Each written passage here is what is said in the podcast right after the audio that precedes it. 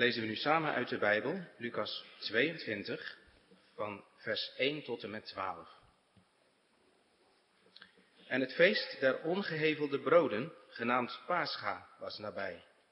En de overpriesters en de schriftgeleerden zochten hoe zij hem ombrengen zouden, want zij vreesden het volk. En de Satan voer in Judas, die toegenaamd was Iscariot, zijnde uit het getal der twaalfen. En hij ging heen en sprak met de overpriesters en de hoofdmannen hoe hij hem zou overleveren. En zij waren verblijd en zijn het eens geworden dat zij hem geld geven zouden. En hij beloofde het en zocht gelegenheid om hem hun over te leveren zonder oproer. En de dag der ongehevelde broden kwam, op de welke het paascha moest geslacht worden. En hij zond Petrus en Johannes uit, zeggende, Gaat heen en bereid ons het paascha, opdat wij het eten mogen. En ze zeiden tot hem, Waar wilt gij dat wij het bereiden? En hij zeide tot hen, Zie, als gij in de stad zult gekomen zijn, zo zal u een mens ontmoeten, dragende een kruik water. Volg hem in het huis waar hij ingaat. En gij zult zeggen tot de huisvader van dat huis, de meester zegt u, waar is de eetzaal waar ik het paascha met mijn discipelen eten zal? En hij zal u een grote, toegeruste opperzaal wijzen, bereid het al daar. Gemeente, we overdenken vanmorgen met Gods hulp aan het begin van de leiding staat het Bijbelgedeelte dat voorgelezen is. En het thema voor de preek van vanmorgen is Jezus dood besloten. Jezus dood besloten. En we gaan vier dingen zien. We letten in de eerste plaats op vrome vijanden. In de tweede plaats op een slinkse verrader. In de derde plaats op onbekende discipelen. En in de vierde plaats op goddelijk welbehagen. Vrome vijanden, een slinkse verrader, onbekende stille discipelen en goddelijk welbehagen. We beginnen met de vrome vijanden. Lees u maar even mee als u uw Bijbel voor u hebt in vers 1 en 2. En het feest der ongehevelde broden genaamd Pascha was daarbij. En de overpriesters en de schriftgeleerden zochten hoe zij hem ombrengen zouden. Dat wil zeggen hoe ze hem doden zouden. Want zij vreesden het volk. Twee versen. Vol tegenstelling. Het is een geheiligde tijd. Het is bijna paasfeest. Het paaslam zal geslacht worden. Het is een geheiligde tijd en het is tegelijkertijd een satanische tijd. Een tijd van sinistere en duistere machten. Er wordt, jongens en meisjes, een moordcomplot gesmeed. Het paascha, het paasfeest is nabij. Over een paar dagen zal dat paaslam geslacht worden.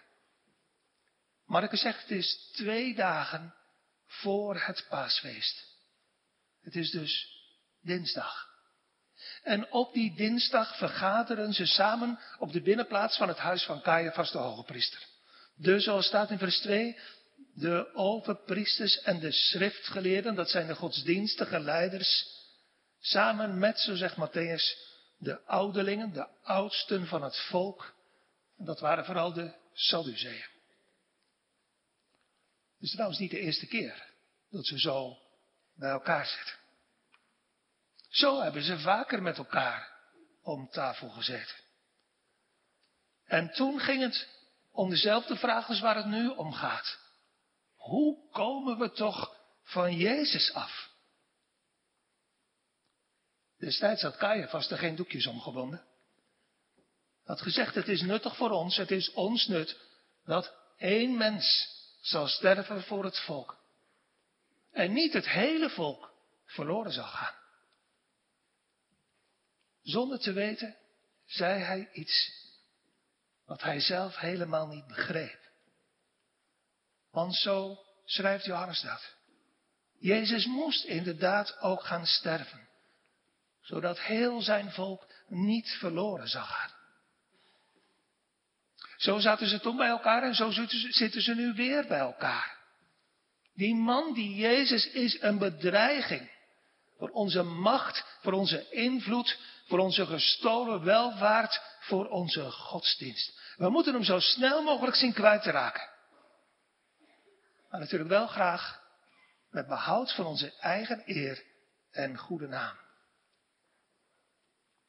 Hoe probeerde die Jezus ons altijd maar weer te ontmaskeren? Door te zeggen dat wij even slecht zijn, zouden zijn als iedereen. Wat schuurde dat van binnen in ons hart? Toen hij er ons op wees. Dat we altijd zo graag het eerste en het laatste woord wilden hebben.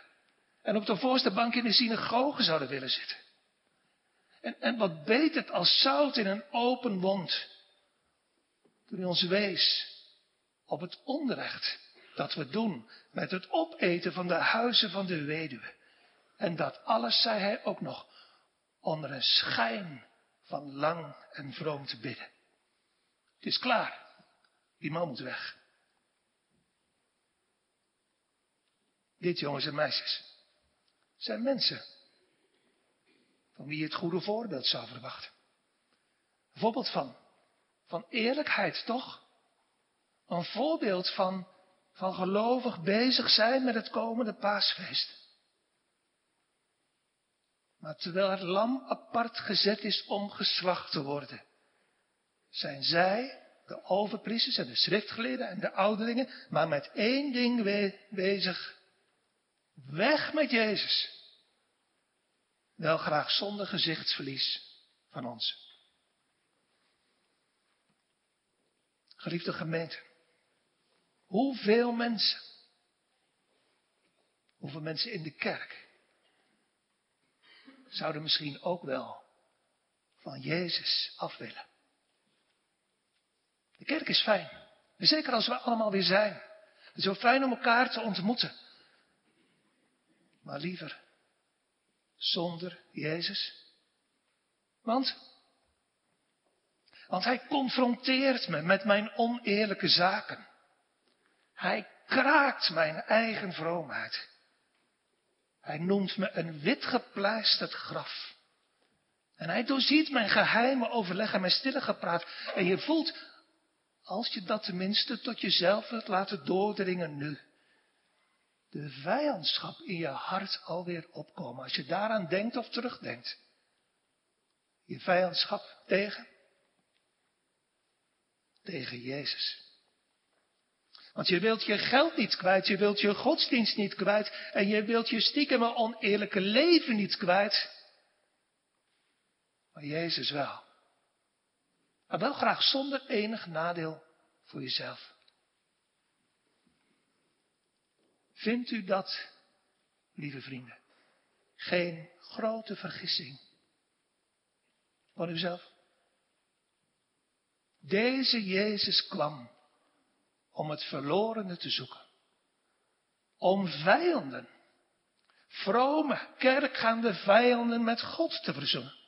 Hij is de enige redder die door God gestuurd is om u van de dood te behouden. En in plaats van dat u en hier en thuis op uw knieën vraagt, verlos me, o Heere en zaligmaker, van deze mijn eigen vroomheid en van mijn hemelhoge schuld. Denkt u stiekem in uw hart, verlos me van Hem, van Jezus. Die me tot een grote irritatie voortdurend laat zien en voelen hoe slecht ik ben. Wat een dodelijke vergissing. Lieve mensen, doe dit niet. Veracht en verwerp de Christus niet. Want dan blijft, zegt de Hebreeënbriefschrijver, er geen slachtoffer meer over voor uw zonde. Tweede punt. Een slinkse verrader. In vers 3 lezen we, en de Satan voor in Judas. Zijn naam betekent beleider, lover, godlover. Er staat daarvoor in Judas, die toegenaamd was, Iscariot. Hij komt uit het plaatsje Kariot. Zijnde uit het getal van de twaalf. Opnieuw voel je een schrijnende tegenstelling. Hij is één van de twaalf discipelen van Jezus. Maar de duivel vaart in hem. Dat wil zeggen, jongens en meisjes, die, die komt meer en meer in zijn hart. Ooit was er een dag. Toen hij net als die elf andere discipelen geroepen werd om de Heer te volgen. Lucas schrijft dat in Lucas 6. En als het dag geworden was, riep Jezus zijn discipelen tot zich en verkoos er twaalf uit hen, die hij ook apostelen noemde. En er kwamen al die namen en ook Judas Iscariot. En sindsdien, dus nu al een paar jaar, is hij de Heer Jezus gevolgd. Hij heeft geluisterd met aandacht naar zijn preken. Hij heeft gehoord en gezien dat Jezus de storm op zee stilde. Hij heeft de liefde en bewogenheid in de stem van de Heer Jezus geproefd toen hij zei, kom herwaarts tot mij, u die vermoeid en belast zijt, ik zal u rust geven. En toen de Heer Jezus zei, kom, tegen zijn discipelen, kom, rustig, een rust een weinig.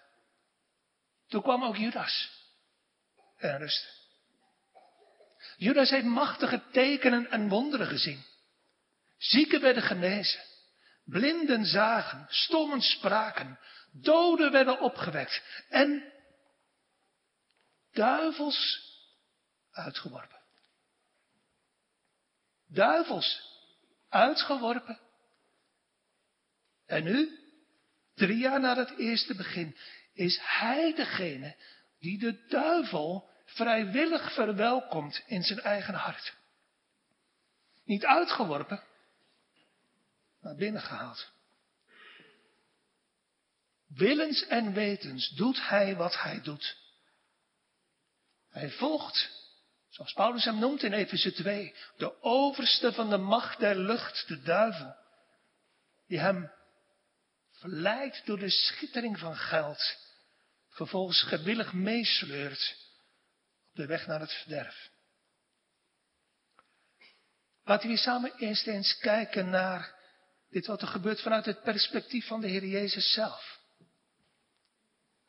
Wat moet dit pijnlijk, wat moet dit bitter geweest zijn voor de Heer Jezus. Zo schrijft Johannes daar ook over in zijn evangelie. Jezus werd ontroerd in de geest. Toen hij zei, voorwaar, voorwaar, ik zeg u dat een van u mij verraden zal. Hoe bitter moet dit voor Christus geweest zijn. En tegelijkertijd blijkt ook hier hoe onschuldig de Heer is. Hij moet stiekem verraden worden. Want niemand heeft, hoe goed hij of zij zijn best ook doet, iets tegen hem in te brengen. Maar wat denk je verder, jongens en meisjes, van het feit dat de Heer Jezus zich vrijwillig laat verraden. Lees maar verder wat er gebeurt in vers 4 tot en met 6. En Judas, hij ging heen en sprak met de overpriesters en de hoofdmannen hoe hij hem aan hen zou overleveren. En zij waren verblijd en zijn het eens geworden dat ze hem geld geven zouden.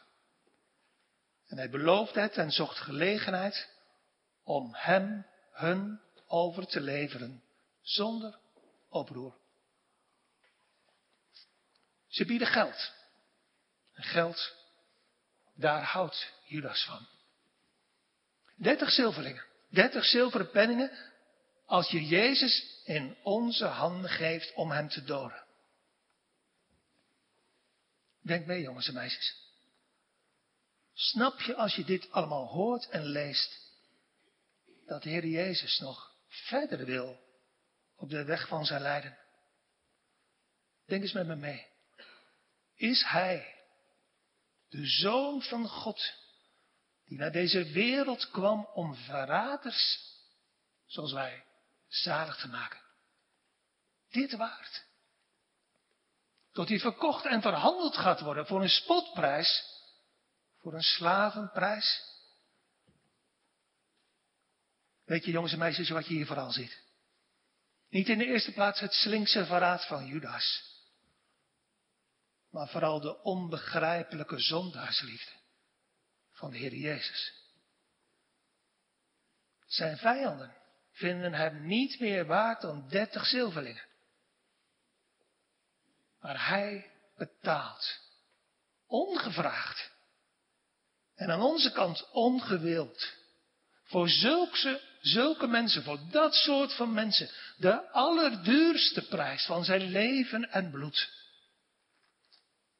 Zoals Paulus later zegt, u bent duur gekocht, hem om niets verkocht, terwijl hij u, kinderen van God, duur kocht. Het is de weergaloze liefde van Christus die hier schittert.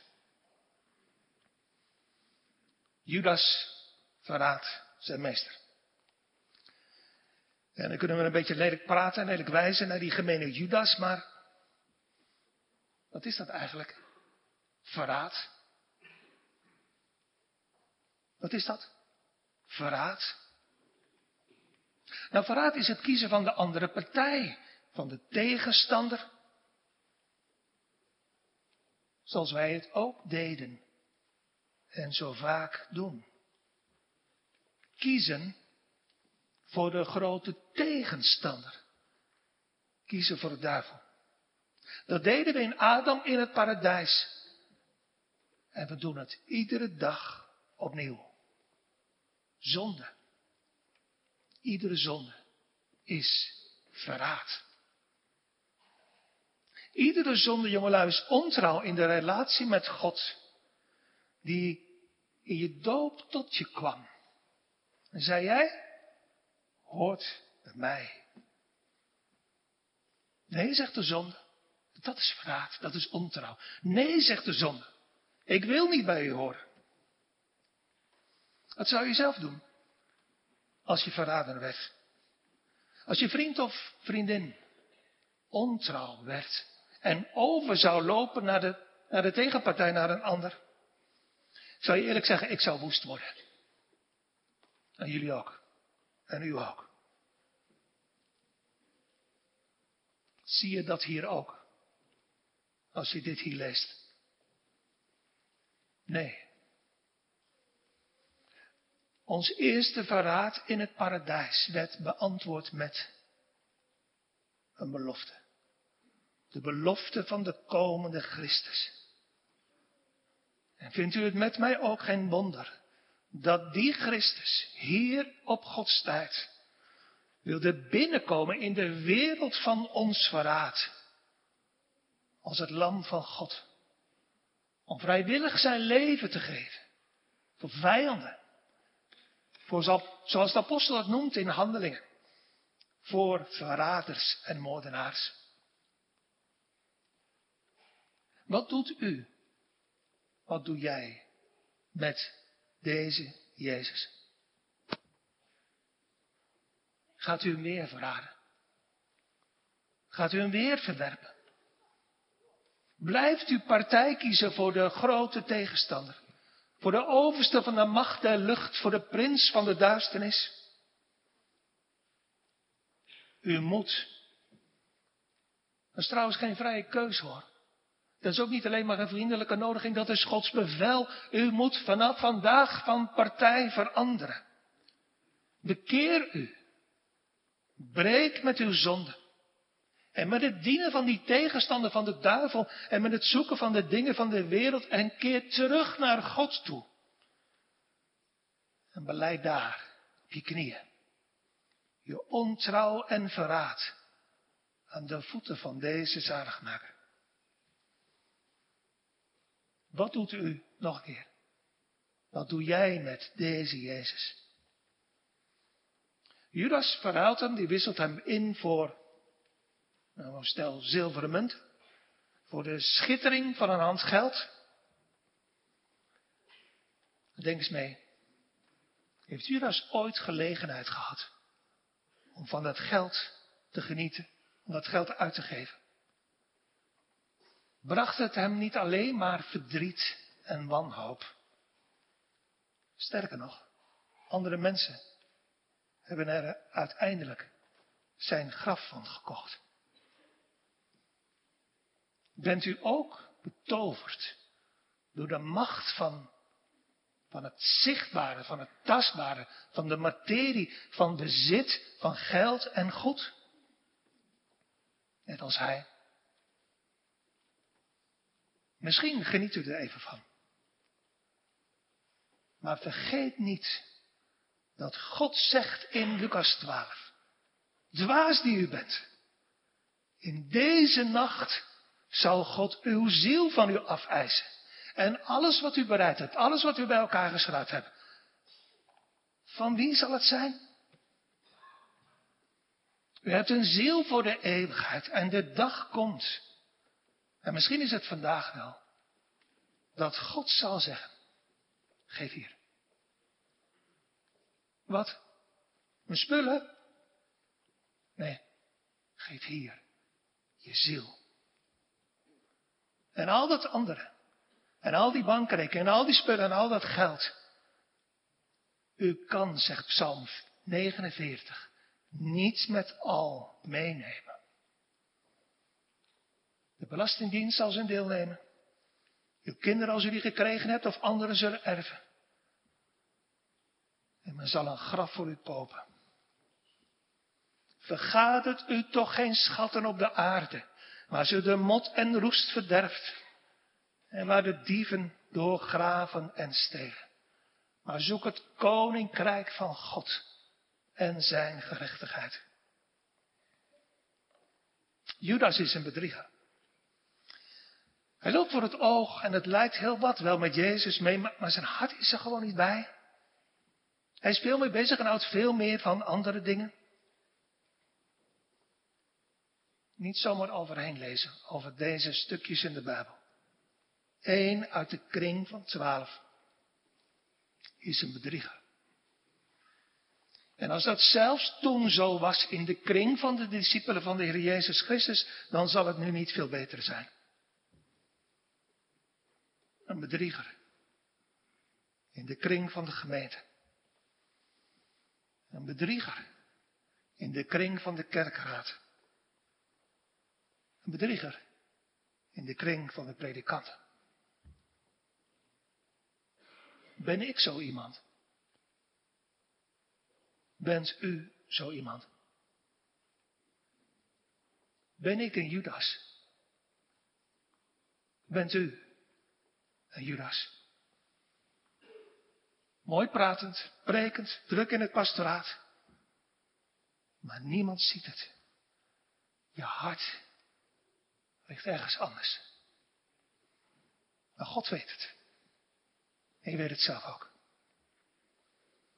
Denk eens na, gemeente. Ik voor mezelf. Het gaat net zo goed om mij. U voor uzelf. Over deze vraag. Ben ik een Judas? Neem er maar even tijd voor. Voor deze vraag. Ben ik een Judas?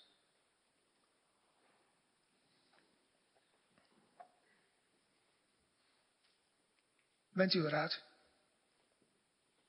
Houd het antwoord maar even vast als u wilt. Hoe kan je weten of je een Judas bent? Een bedrieger, een verrader, een hagelaar. Nou, dan doe je wel alsof je God en alsof je jezelf kent, maar de werkelijkheid is anders. Je kent God niet en je kent ook jezelf niet. En dus zeg je, als antwoord op de vraag die ik zojuist stelde. Stellig en zelfverzekerd. Zeker weten, ik ben geen Judas. Natuurlijk niet. Hoezo natuurlijk niet?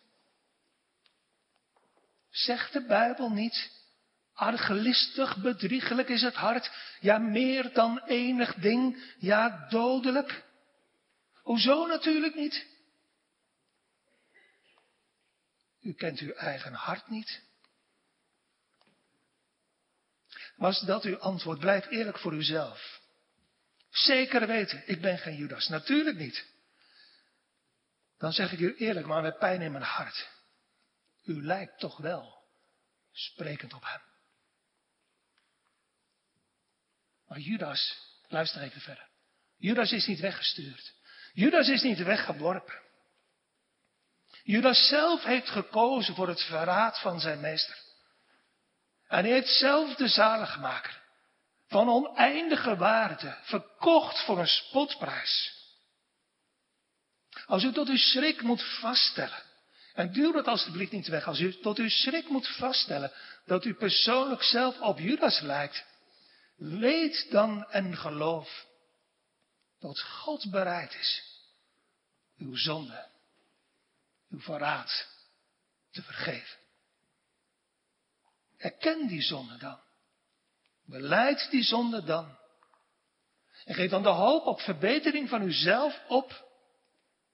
Geloof dat God bereid is om u te vergeven en kom als een Judas. Met schaamte en berouw. En dan zult u zien, ik verzeker het u, het woord van de Heer verzekert het u, dat er zelfs voor uw zonden vergeving is. Je hebt het toch gezongen. Of schoon zwaar getergd. De Heer is langmoedig en genadig. En groot van goede tierenheid. Hoe groter uw schuld is, hoe wonderlijker Gods genade zal zijn in uw leven. En hoe dieper uw verraad geweest is, hoe meer eer u aan Christus geeft. Als u ook die zonde van verraad legt op het hoofd van het lam. Hoe kan je weten? Dat was de vraag.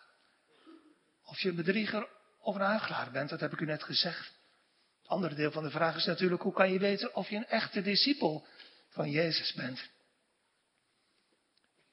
Nou, dan zeg je wat de elf discipelen even later allemaal zeggen bij de paasmaaltijd.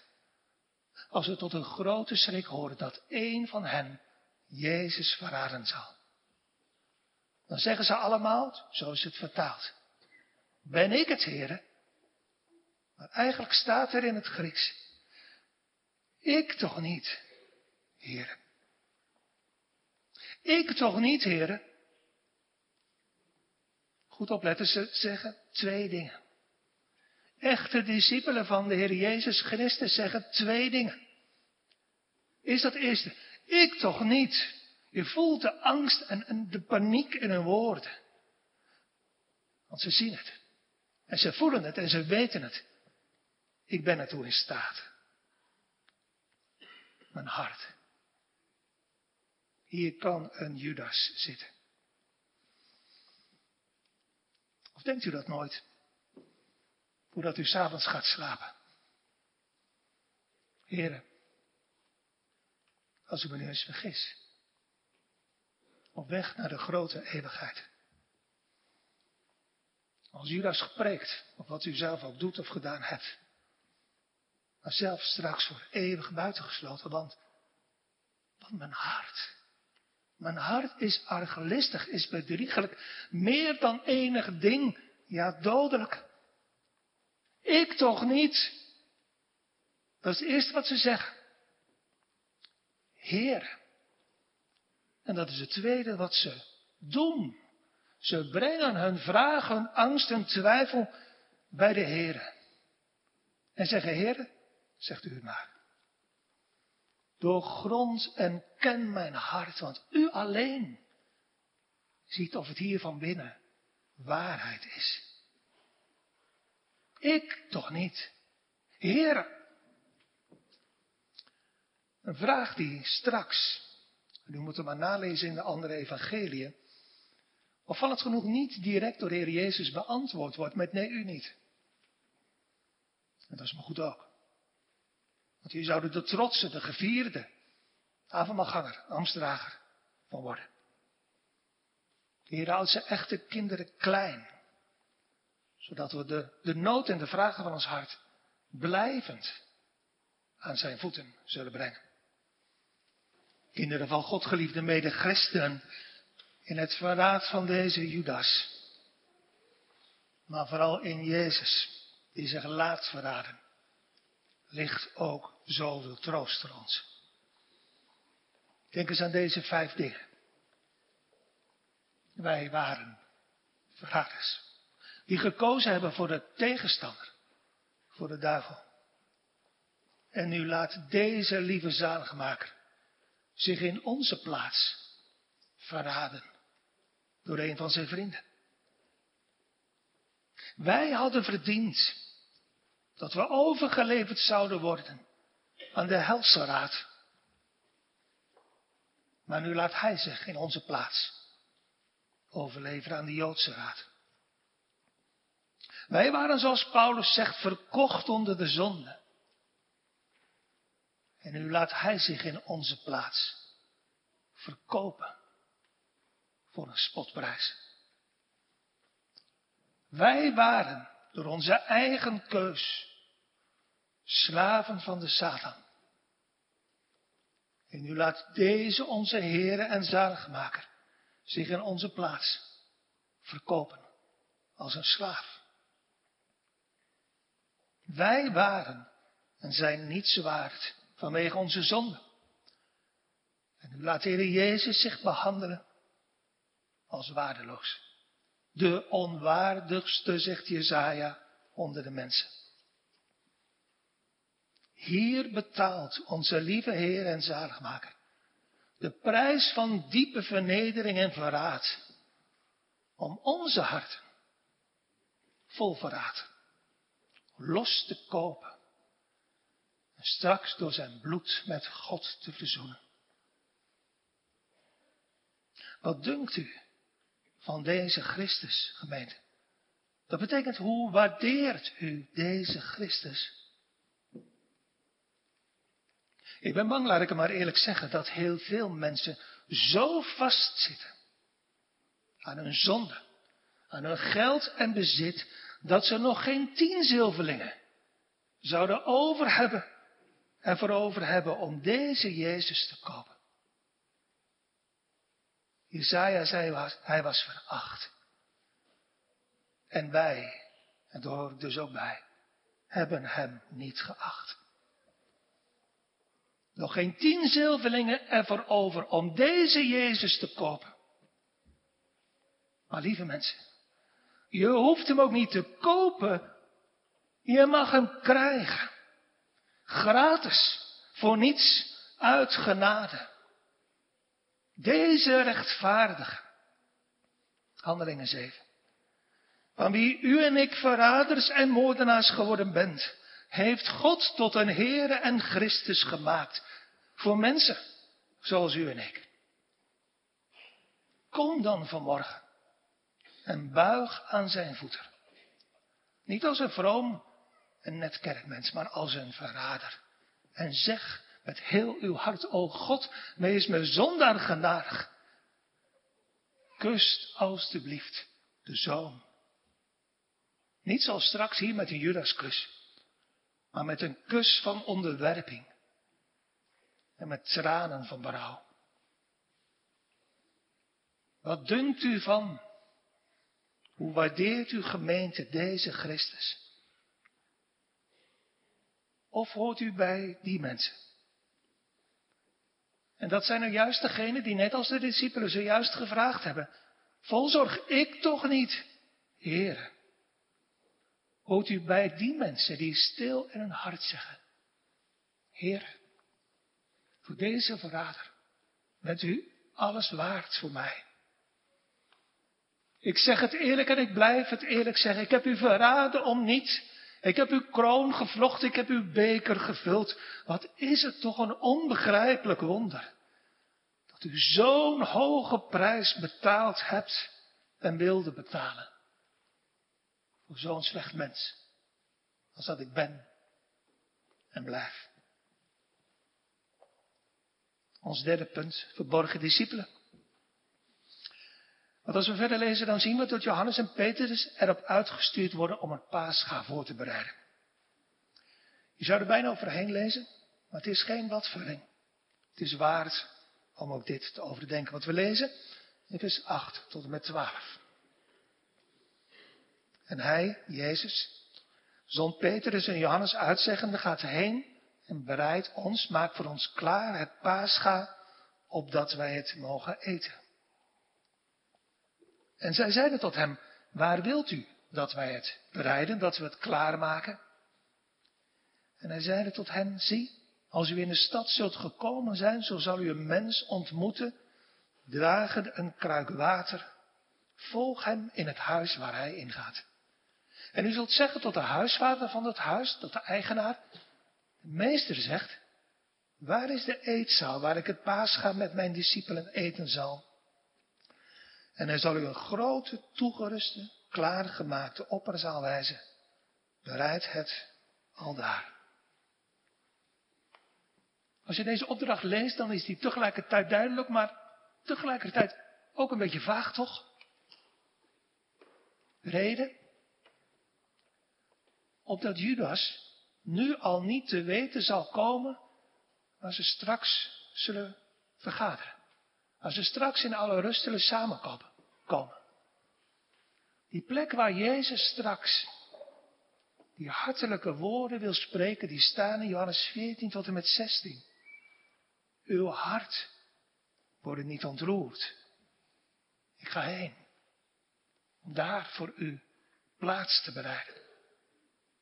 Die plek waar de Heer Jezus bidden zal. Dat het innemende gebed uit Johannes 17. Vader, ik wil dat waar ik ben ook die bij mij zijn. Deze elf die u mij gegeven hebt. En al die anderen. Judas mag nu nog niet weten waar straks de Heer Jezus het avondmaal zal instellen. Maar hij zal zeggen, ik heb grotelijks begeerd. Ik heb grotelijks begeerd dit avondmaal met u te eten. Eer voordat ik zal lijden. Judas kan en mag hen daarin niet storen. En dus een wat geheimzinnige opdracht. Als jullie Petrus en Johannes in de stad zullen komen, dan zul je iemand ontmoeten, een man die een kruik water draagt. En dat is bijzonder, want in die tijd droegen alleen de vrouwen kruiken.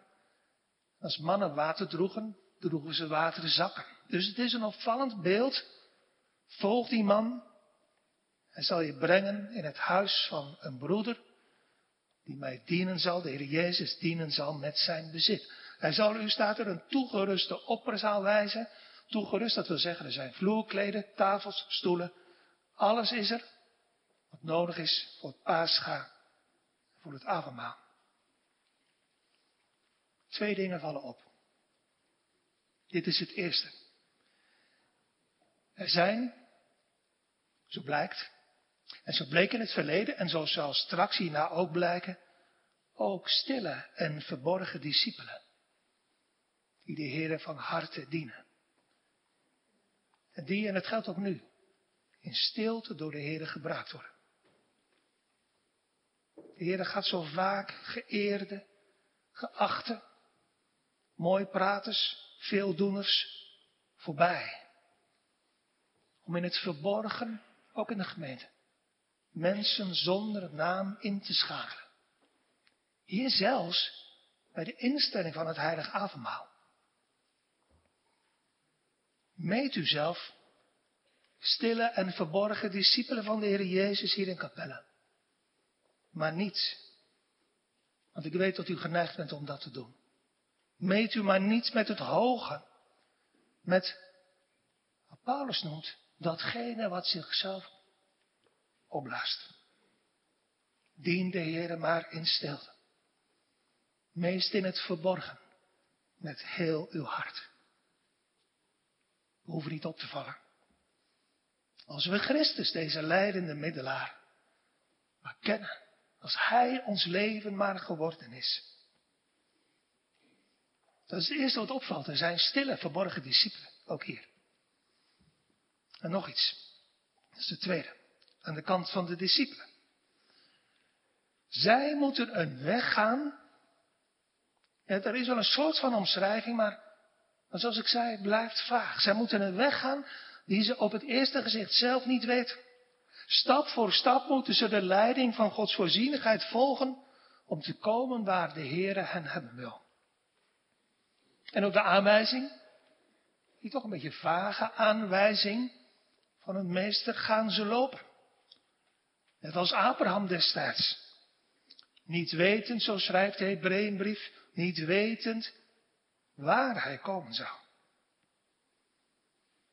De Heer leidt hem van stap tot stap om hen te brengen tot zijn doel. En zo mogen ook Gods kinderen in dit leven stil achter de Heere aangaan. Ook op onbekende wegen. Op wegen, zoals Jezaja zegt, waar we lopen als blinden die, we, die de weg niet gekend hebben. Maar we hoeven geen teleurstelling te vrezen. Als we gewoon in gehoorzaamheid doen wat de Heer aan ons vraagt. En dus staat er uiteindelijk in vers 13, en zij heengaande vonden het, zoals het hun gezegd was, zoals hij het hun gezegd had, en zij bereiden het paascha. Wat hebben zij? Wat hebben wij toch een wonderlijke en betrouwbare meester. Zoals hij het gezegd had, vonden ze het. Zoals hij het gezegd heeft, zullen wij, als we hem zo stil volgen, het ook zien. Zijn weg en zijn werk. Ons vierde punt. Goddelijke welbehagen. Waar je dat leest, waar je dat ziet, letterlijk overal. Hier begint de zware lijdensweg van de Heer Jezus. Lang heeft het uit zijn mond geklonken. Mijn uren is nog niet gekomen. Maar nu geldt wat staat in Johannes 12. De uren is gekomen. De zoon des mensen zal verheerlijkt worden. Verheerlijkt? Ja. In een weg van verraad en van diepe vernedering. Hier begint het uur, door God bepaald. Hij preekte zo vaak in de tempel, maar niemand greep hem. Want zijn uren was nog niet gekomen. Maar nu breekt dat uur wel aan. Nu breekt Gods tijd aan. En zoals het de wil van God was, de wil van God, dat destijds en eeuwenlang het paaslam werd geslacht. Zo is het nu de wil van God dat dit lam van God bitter zal gaan lijden. Verraden zal worden. Verlaten zal worden. Zijn bloed zal vergieten. En zichzelf, zoals de Hebreeënbrief zelf, goden zal opofferen. En zijn bloed zal dierbaar zijn in Gods ogen. Wat hier gebeurt? Denk even met me mee. Wordt het lam van God straks geofferd om dat satanische plan van de duivel, om dat slinkse verraad van Judas, om die vrome vijandschap van de overpriesters en de schriftgeleerden en de ouderlingen? Nee. Straks wordt het lam van God geofferd, omdat God het wil omdat het Gods plan is. En zo wordt de Heer Jezus straks ook niet gedood. Door het verraad van Judas. Door de doornenkroon op zijn hoofd, door de slagen op zijn rug, door de spijkers in zijn handen en door het kruis waar hij aangehangen wordt. Maar het is de Vader, zijn Vader, die hem verraden laat worden.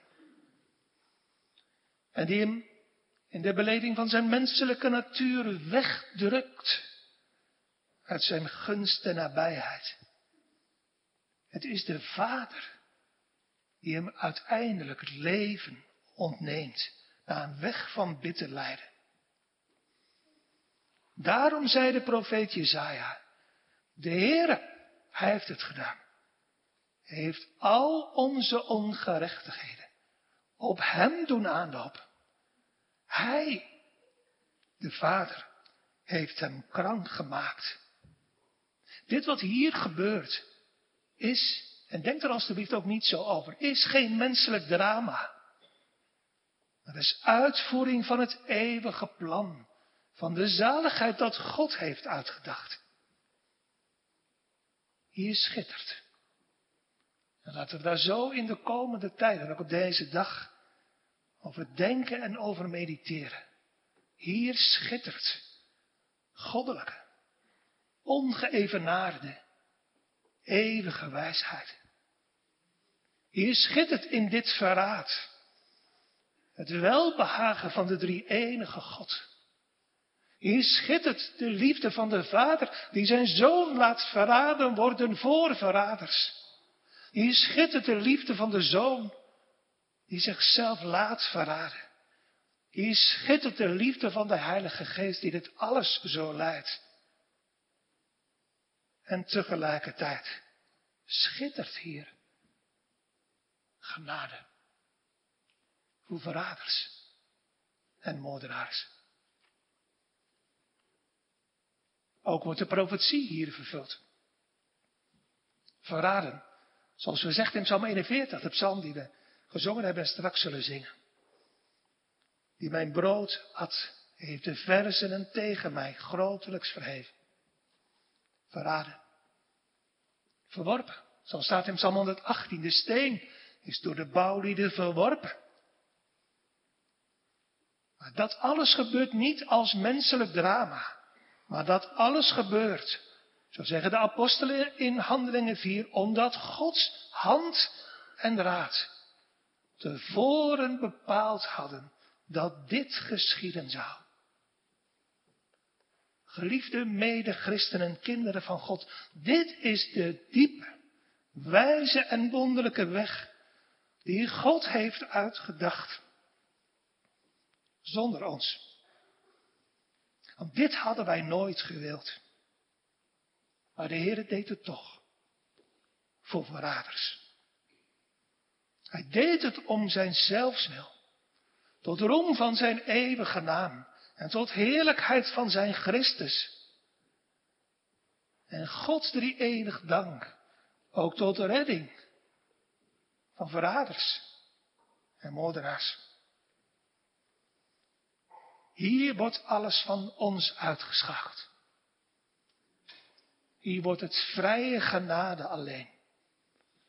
Voor vijanden, voor zondaars, voor goddelozen die dit nooit gewild en gezocht hebben.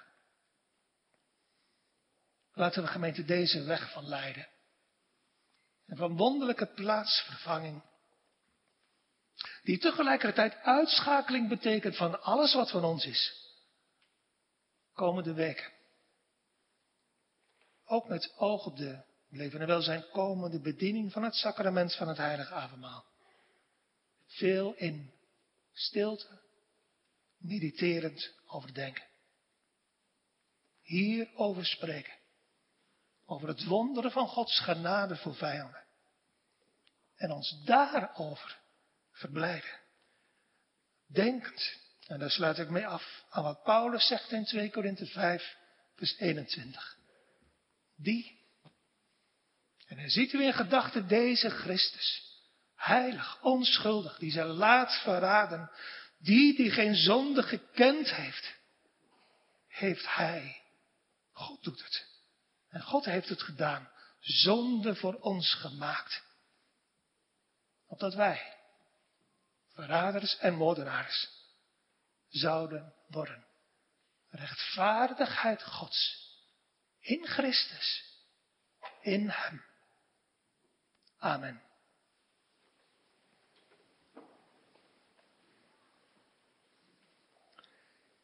Heer, wij buigen ons aan het einde van deze dienst voor u neer.